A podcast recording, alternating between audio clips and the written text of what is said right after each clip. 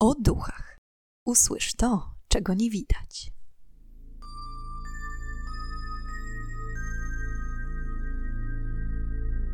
Witam i pytam, czego dusza pragnie. Strasznie miło mi gościć Was na moim kanale. Po przerwie wracam do Was wypoczęta i przeszczęśliwa. Mam nadzieję, że u Was również wszystko w porządku i że dzisiejszy odcinek umili Wam czas. Jeśli nie dotarliście jeszcze do posta z nowym podziałem odcinków, a jesteście ciekawi, jakie drobne zmiany wprowadziłam na kanał, to zerknijcie albo na kartę społeczność, albo na Instagram bądź Facebook. Zamieściłam tam też informacje na temat uruchomionej przeze mnie formy wsparcia kanału, jaką jest postawienie wirtualnej kawy. Jeśli więc podobają Wam się moje odcinki, będzie mi niezmiernie miło, jeśli wesprzecie mój kanał. Link do kawy zostawię w opisie odcinka. Chciałam tutaj również zapowiedzieć, że od tej pory, jeśli tylko oczywiście opowiadana przeze mnie historia na to pozwoli, będę starała się nagrywać nie tyle podcast, co wideobloga, ponieważ myślę, że dzięki temu jeszcze bardziej będziemy mogli się wczuć w opowiadaną historię, na przykład za pomocą wyświetlanych zdjęć związanych ze sprawą. Ale wracając już do głównego tematu, dziś opowiem Wam prawdziwą historię z filmu Egzorcysta. Filmu, który omawiałam w poprzednim odcinku na temat horrorów opartych na faktach. Wiadomo, że egzorcysta został oparty na prawdziwych wydarzeniach, ale jak one się potoczyły? Co skłoniło księży do przeprowadzenia egzorcyzmów i jak przeżył je główny bohater? Jeśli jesteście ciekawi, już nie przedłużając, zapraszam do wysłuchania dzisiejszej historii. Film Egzorcysta z 1973 roku w reżyserii Williama Friedkina opowiada o młodziutkiej Regan, zaatakowanej i opętanej przez złe moce. Jak jednak ma się do tego prawdziwa historia, która przydarzyła się chłopcu nazwanemu przez prasę Rolandem Doe? Tak naprawdę chłopiec nazywał się Roland Hankeler – a Doe było tylko pseudonimem podanym do wiadomości publicznej, ale do tego jeszcze dojdziemy. Wszystko działo się w latach czterdziestych ubiegłego wieku. Roland mieszkał w ładnym, zadbanym domu w Cottage City w stanie Maryland. Na pierwszy rzut oka nie można było przewidzieć, że miejsce to będzie świadkiem jednego z najbardziej znanych egzorcyzmów wszechczasów. Roland był jednakiem, urodzonym w 1935 roku i wychowanym w niemiecko-amerykańskiej rodzinie luterańskiej. A w ich domu duchy i zjawiska paranormalne nie były tematem tabu.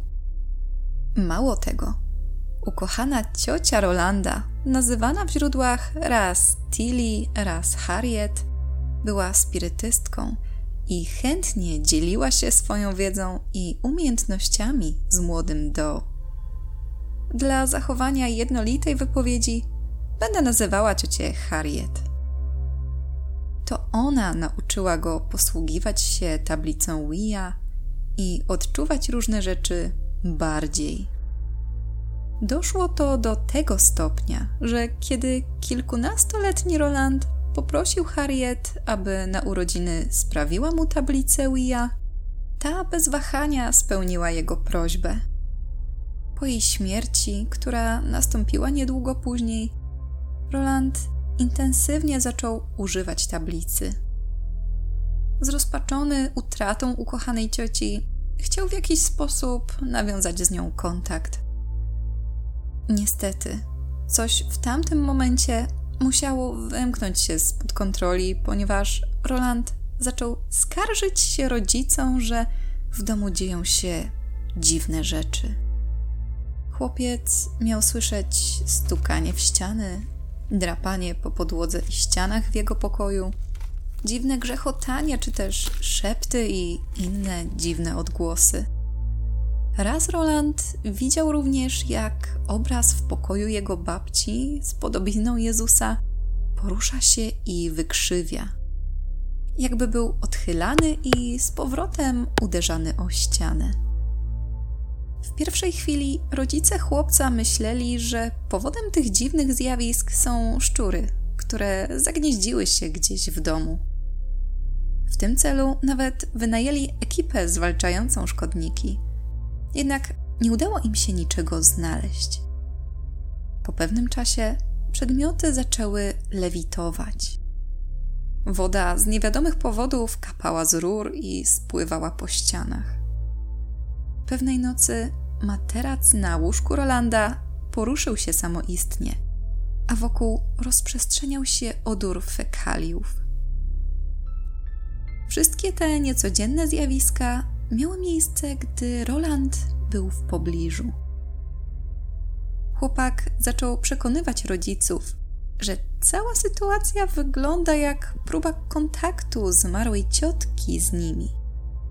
Dlatego też rodzice chłopca zaangażowali się i początkowo wspólnie próbowali za pomocą tablicy Wia nawiązać kontakt i poprosić Harriet, aby nie straszyła ich więcej. Niestety, działania te przyniosły odwrotny skutek. Roland mówił, że od tamtej pory co noc słyszał, jak ktoś chodzi po jego pokoju, a pewnego ranka znalazł na materacu łóżka ślady zadrapań. Po kilku kolejnych dniach te same ślady zaczęły pojawiać się na ciele chłopca. Co ciekawe, nie tylko rodzina chłopca była świadkiem tych dziwnych wydarzeń. Pewnego dnia kolega Rolanda odwiedził go w domu. Chłopcy siedzieli w pokoju, kiedy to nagle Roland został dosłownie zrzucony z krzesła i popchnięty kilka metrów w kąt pokoju. W szkole również zjawiska paranormalne dręczyły chłopca. Nauczyciele kilkukrotnie zgłaszali rodzicom, że syn zachowuje się nagannie, że jego ławka porusza się nieustannie na lekcjach, a przybory szkolne rozrzucane są po klasie. I w końcu, po którymś z kolei wezwaniu, rodzice Rolanda postanowili wypisać go ze szkoły. I nie wiem, czy przepisali go do innej, czy rozpoczęli nauczanie domowe, które w Stanach jest dopuszczalne. W każdym razie opuścił szkołę z przyklejoną łatką awanturnika i łobuza. Zrozpaczeni rodzice, nie wiedząc jak poradzić sobie z problemem, zgłosili się do miejscowego pastora Lutera Schulze. Ten początkowo zaproponował, że spędzi noc w domu państwa Doe, aby przekonać się na własne oczy, z czym mają do czynienia. Jak relacjonował później katolickim księżom, Przedmioty w domu chłopca poruszały się samoistnie, a on sam mówił w przedziwny i niezrozumiały sposób, a w domu czuć było okropny smród, mimo iż dookoła było czysto. Dla całkowitej pewności, że Roland nie cierpi na żadną chorobę psychiczną, pastor zlecił rodzinie udanie się do lekarza psychiatry. Tak też uczyniono, w związku z czym Roland przeszedł szereg badań mających wykluczyć odchylenia od normy. Po otrzymaniu wyników okazało się, że chłopiec był całkowicie zdrowy psychicznie. Dlatego też nie pozostawało nic innego, jak poprosić księży o pomoc w zorganizowaniu egzorcyzmu. Był styczeń 1949 roku, kiedy pastor Luther Schulz napisał list do Laboratorium Parapsychologii Uniwersytetu Duke'a w Karolinie Północnej, opisując w nim okropności, jakich był świadkiem podczas odwiedzin u rodziny Doe. Opisał, jak krzesła przesuwały się i szurały po podłodze jak ciężkie meble zmieniały położenie w pokoju gościnnym, o tym, jak obraz z podobizną Jezusa zaczął obracać się na ścianie, a mały Roland co róż był zrzucany z krzesła. Finalnie do pomocy zwerbowano księdza katolickiego Alberta Hughesa, który po złożeniu prośby u swoich przełożonych o zgodę na przeprowadzenie egzorcyzmu uzyskał odpowiedź pozytywną. Pod koniec lutego 1949 roku ksiądz rozpoczął egzorcyzmowanie nastolatka. Po przetransportowaniu go do instytucji jezuickiej zwanej Georgetown University Hospital, przywiązano Rolanda do materaca i duchowny rozpoczął modlitwy. Egzorcyzm odbywał się w sposób dynamiczny i skomplikowany. Roland rzucał się i próbował wyrwać z więzów. Niestety, nie było dane dokończyć obrzędu. Został on przerwany po tym, jak Rolandowi w jakiś sposób udało się oswobodzić rękę z więzów i oderwać kawałek pręta z materaca, rzucając nim w księdza i tym samym raniąc go w okolicach ramion. Co ciekawe, po kilku dniach na ciele chłopca ponownie zaczęły ukazywać się czerwone plamy i zadrapania, z których jeden ułożył się w słowo Louis. To sprowokowało matkę chłopaka do myślenia, iż muszą się udać do St. Louis, w którym mieszkała rodzina państwa Doe. Co ciekawe, w tym za życia ukochana ciocia Rolanda, Harriet. Gdy matka chłopca dyskutowała z księdzem na temat ewentualnej podróży do St. Louis i padły pytania o datę wyjazdu i czas spędzony w mieście, na żebrach Rolanda pojawiły się kolejno dwa napisy utworzone z zadrapań. Sobota i trzy i pół tygodnia. Nie zwlekając już ani chwili, wszyscy udali się do St. Louis. W tamtym momencie kuzyn Rolanda i syn ciotki Harriet uczęszczał na Uniwersytet St. Louis i po zapoznaniu się z problemami chłopaka poprosił rektora uczelni Raymonda Bishopa o pomoc. Podejrzewam, że kierunek studiów był również związany ze spirytyzmem lub czymś podobnym.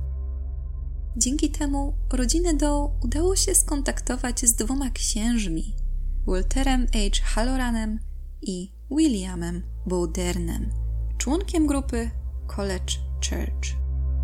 Jezuici zgodzili się przeprowadzić egzorcyzmy na Rolandzie. W przeciągu kilkudziesięciu dni, począwszy od marca 1949 roku, przeprowadzili oni serię 20 egzorcyzmów. Co ważne, przez cały czas trwania egzorcyzmów Bowdern prowadził pamiętnik, zapisując w nim wydarzenia z każdego pojedynczego dnia. Jako miejsce do przeprowadzenia egzorcyzmów wybrano rezydencję przy Roanoke Drive.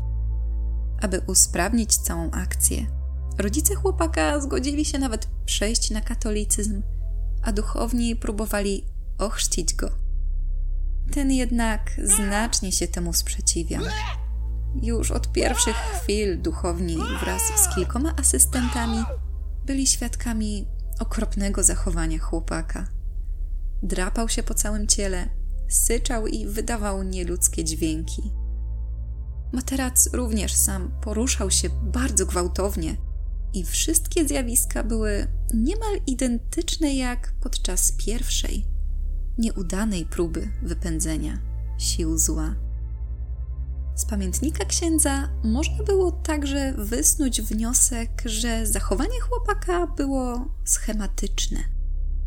Za dnia zachowywał się normalnie. Grał w gry, rozmawiał z dorosłymi, czytał książki. Natomiast kiedy tylko nadchodził wieczór i noc, budził się w nim demon. Często zapadał w dziwny trans, podczas którego mówił niskim, gardłowym głosem. Sprawiał, że przedmioty lewitowały, a na widok jakiegokolwiek świętego przedmiotu wpadał w szał. Poświęcone świece, które matka Rolanda rozstawiła po całym domu, nagminnie gasły. Zadrapania na ciele pojawiały się regularnie, a kiedy dwa razy w tym samym miejscu na klatce piersiowej ukazał się znak X, kapłani zaczęli podejrzewać, że jest to cyfra 10, oznaczająca opętanie przez 10 demonów. Innym razem zadrapanie w kształcie wideł wędrowało na oczach świadków z górnej części uda Rolanda aż do kostki. Egzorcyzmy trwały długie wieczory i noce. W ciągu dnia Roland próbował wypoczywać i dochodzić jako tako do siebie. 20 marca 1949 roku, po kilkunastu dniach prób wypędzenia demonów z chłopca, egzorcyzmy zaczęły być jeszcze bardziej niebezpieczne. Roland zmoczył łóżko, przeklinając przy tym księży. Swoją drogą plotkowano później, że księża nosili pod sutanną gumowe kombinezony, ponieważ chłopiec właśnie często na nich sikał. Państwo do przerwali egzorcyzm. Mieli dość. Przetransportowali syna do pobliskiego szpitala Election Brothers w St. Louis z prośbą o jakikolwiek ratunek. Po interwencji egzorcyzmy zostały przerwane na niecały miesiąc. Roland przebywał w skrzydle szpitalnym na oddziale psychiatrycznym. W trakcie przebywania w szpitalu również zachowywał się w niecodzienny sposób. Dopiero 18 kwietnia, w poniedziałek wielkanocny, nastąpił przełom. Z samego rana Roland obudził się z atakiem drgawkowym. Ponownie zaczął wyzywać księży, którzy non-stop czuwali przy jego łóżku. Tego dnia w szpitalu znajdował się ksiądz Bowdern, ksiądz Halloran oraz zwerbowany do pomocy ksiądz William Van Roo. Roland krzyczał, że szatan już zawsze będzie mu towarzyszył. W trakcie ataku na ciele chłopaka pojawiały się krwiste nacięcia, układające się w słowa zło i piekło oraz wiele dziwnych, niezrozumiałych znaków. Duchowni, mając nadzieję na powodzenie, obłożyli chłopca świętymi przedmiotami krzyżami, różańcami i medalikami. Nie obyło się też bez ofiar, gdyż w trakcie uspokajania chłopaka ten złamał księdzu Haloranowi nos. Ale w końcu w jakiś sposób udało im się uspokoić Rolanda. I czekali. Czekali cały poranek, popołudnie i wieczór. Kiedy wybiła godzina 22.45, księża rozpoczęli kolejny egzorcyzm. Wzywali świętego Michała do pomocy, prosząc, aby wypędził demony z ciała chłopca. Roland zapadł ponownie w trans. Księża wyklinali szatana, wzywając go na pojedynek o duszę chłopca. Cała akcja trwała około 7 minut. Po tym czasie Roland ocknął się i cały zlany potem powiedział: Odeszli. Następnie opowiedział, że w czasie tych siedmiu minut miał wizję, w której widział świętego Michała oraz szatana, toczących bój na ogromnym polu bitwy. Następnie się przebudził i od tej pory złe siły już więcej go nie nękały. Po zakończeniu egzorcyzmu rodzina Doe wróciła do Cottage City w Maryland i na długie lata słuch po Rolandzie zaginął. W sierpniu 1949 roku w kilku lokalnych gazetach, m.in. w Washington Post, pojawił się artykuł o przeprowadzeniu egzorcyzmów na 14-letnim chłopcu, nazywanym przez prasę czasem Rolandem, a czasem Robin Doe. Nie podając prawie żadnych szczegółów, opisano jedynie, że księża w St. Louis przeprowadzili udaną próbę wypędzenia demona z ciała chłopaka. Przez kilkadziesiąt lat artykuły prasowe nie były specjalnie popularne wśród mieszkańców. To zmieniło się dopiero w 1971 roku za sprawą pisarza Williama Petera Blatiego, który napisał bestsellerową powieść Egzorcysta, opierając się na pamiętnikach prowadzonych przez duchownego Bouderna. Książka zrobiła niesamowitą furorę i utrzymywała się na szczycie listy bestsellerów przez aż 54 tygodnie. Blatty wpadł na pomysł napisania książki podczas studiów na Georgetown University. W czasie jednego z wykładów profesor prowadzący zaczął opowiadać o egzorcyzmach, przytaczając fragmenty pamiętnika księdza Bouderna. Blatty tak zafascynował się ową historią, że za wszelką cenę postanowił zdobyć kopię pamiętnika egzorcysty. I udało mu się to. Co więcej, udało mu się także skontaktować z Boudernem i dzięki temu uzyskać dużo więcej informacji na temat Rolanda Doe. Podobno Bowdern początkowo nie był chętny do rozmowy, ale w końcu udało się go przekonać.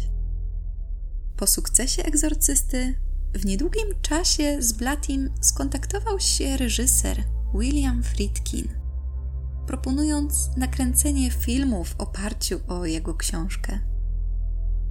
Blatty zgodził się i razem stworzyli scenariusz do filmu o tym samym tytule Egzorcysta, okrzykniętym chyba nawet do dziś jednym z najstraszniejszych horrorów wszechczasów. Jakie były największe rozbieżności między prawdziwą historią a filmem? Przede wszystkim Roland nigdy nie przekręcił swojej głowy o 360 stopni, jak zrobiła to Regan. Roland nie wymiotował również zieloną substancją i nie używał żadnego świętego przedmiotu do masturbacji. W ogóle nie było takiego wątku w prawdziwej historii.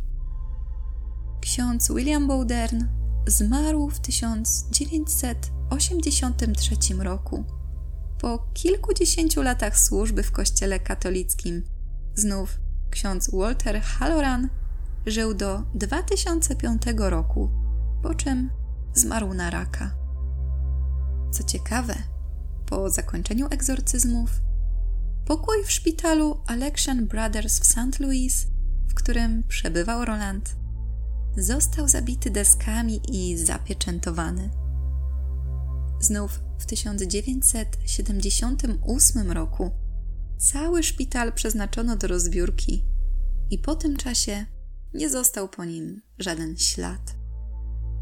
Podczas rozbiórki ekipa remontowa, której zadaniem było wynosić meble, znalazła w jednej z szuflad dokument z oficjalnym zapisem wizyty Rolanda w szpitalu. Widniał tam też zapis jego prawdziwego nazwiska. Na tamten moment jednak w dalszym ciągu utajnionym przed opinią publiczną. Dom, w którym mieszkała rodzina Rolanda, został sprzedany w latach 60. i przez długie lata stał pusty. Znów posiadłość przy Roanoke Drive w St. Louis została sprzedana w 2005 roku za kwotę 165 tysięcy dolarów. A co takiego działo się z Rolandem Doe po wygnaniu z niego sił zła? Ta kwestia pozostawała tajemnicą na kolejne dekady. Dopiero całkiem niedawno, bo w 2020 roku, po śmierci pana Rolanda Edwina Hankellera, zaczęto coraz śmielej sugerować, iż był on tymże czternastoletnim, opętanym chłopcem nazywanym przez prasę Rolandem Doe. Kim był Roland Hankeler i jak potoczyło się jego życie po odzyskaniu spokoju? Otóż rodzina Rolanda po sesji egzorcyzmów wróciła do Cottage City w stanie Maryland. Tam Roland dorósł, poznał swoją przyszłą żonę i założył rodzinę. Swojego pierworodnego nazwał Michael na cześć świętego, który uratował jego duszę. Co ciekawe, kariera Rolanda była nieprzeciętna. Roland bowiem pracował w NASA, dokładnie w NASA Goddard Space Flight Center, ośrodku znajdującym się w Greenbelt w stanie Maryland.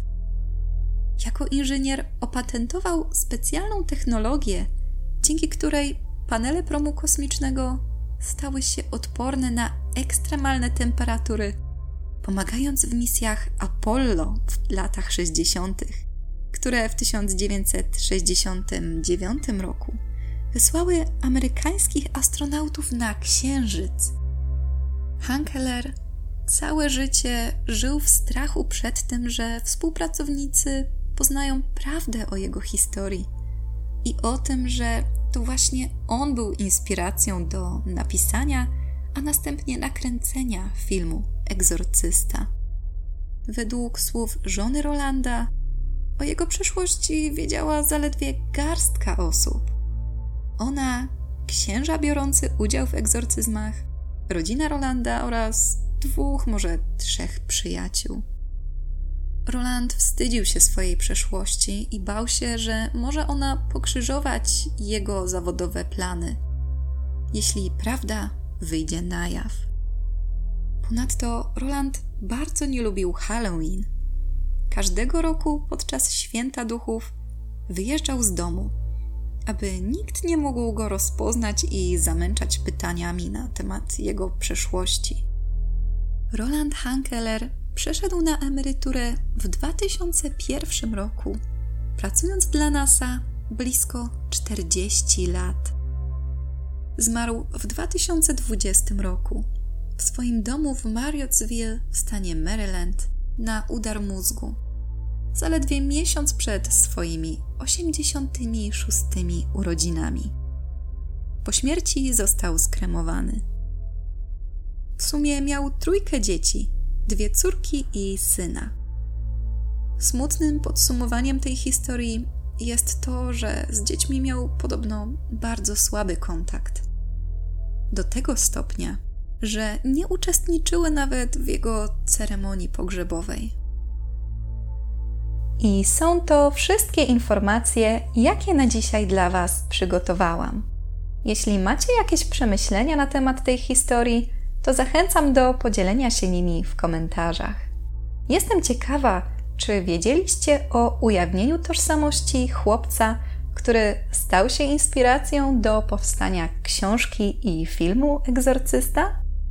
Na koniec chciałam podziękować za wszystkie komentarze, łapki, oceny i subskrypcje oraz zachęcić, jeśli tylko macie ochotę i możliwość, do wspierania kanału za pomocą kupienia wirtualnej kawy. Link do kawy zostawiam w opisie odcinka. Dziękuję Wam za dziś i już teraz zapraszam Was na kolejny odcinek podcastu o duchach, w którym ponownie zadamy pytanie, czego tym razem dusza zapragnie. Do usłyszenia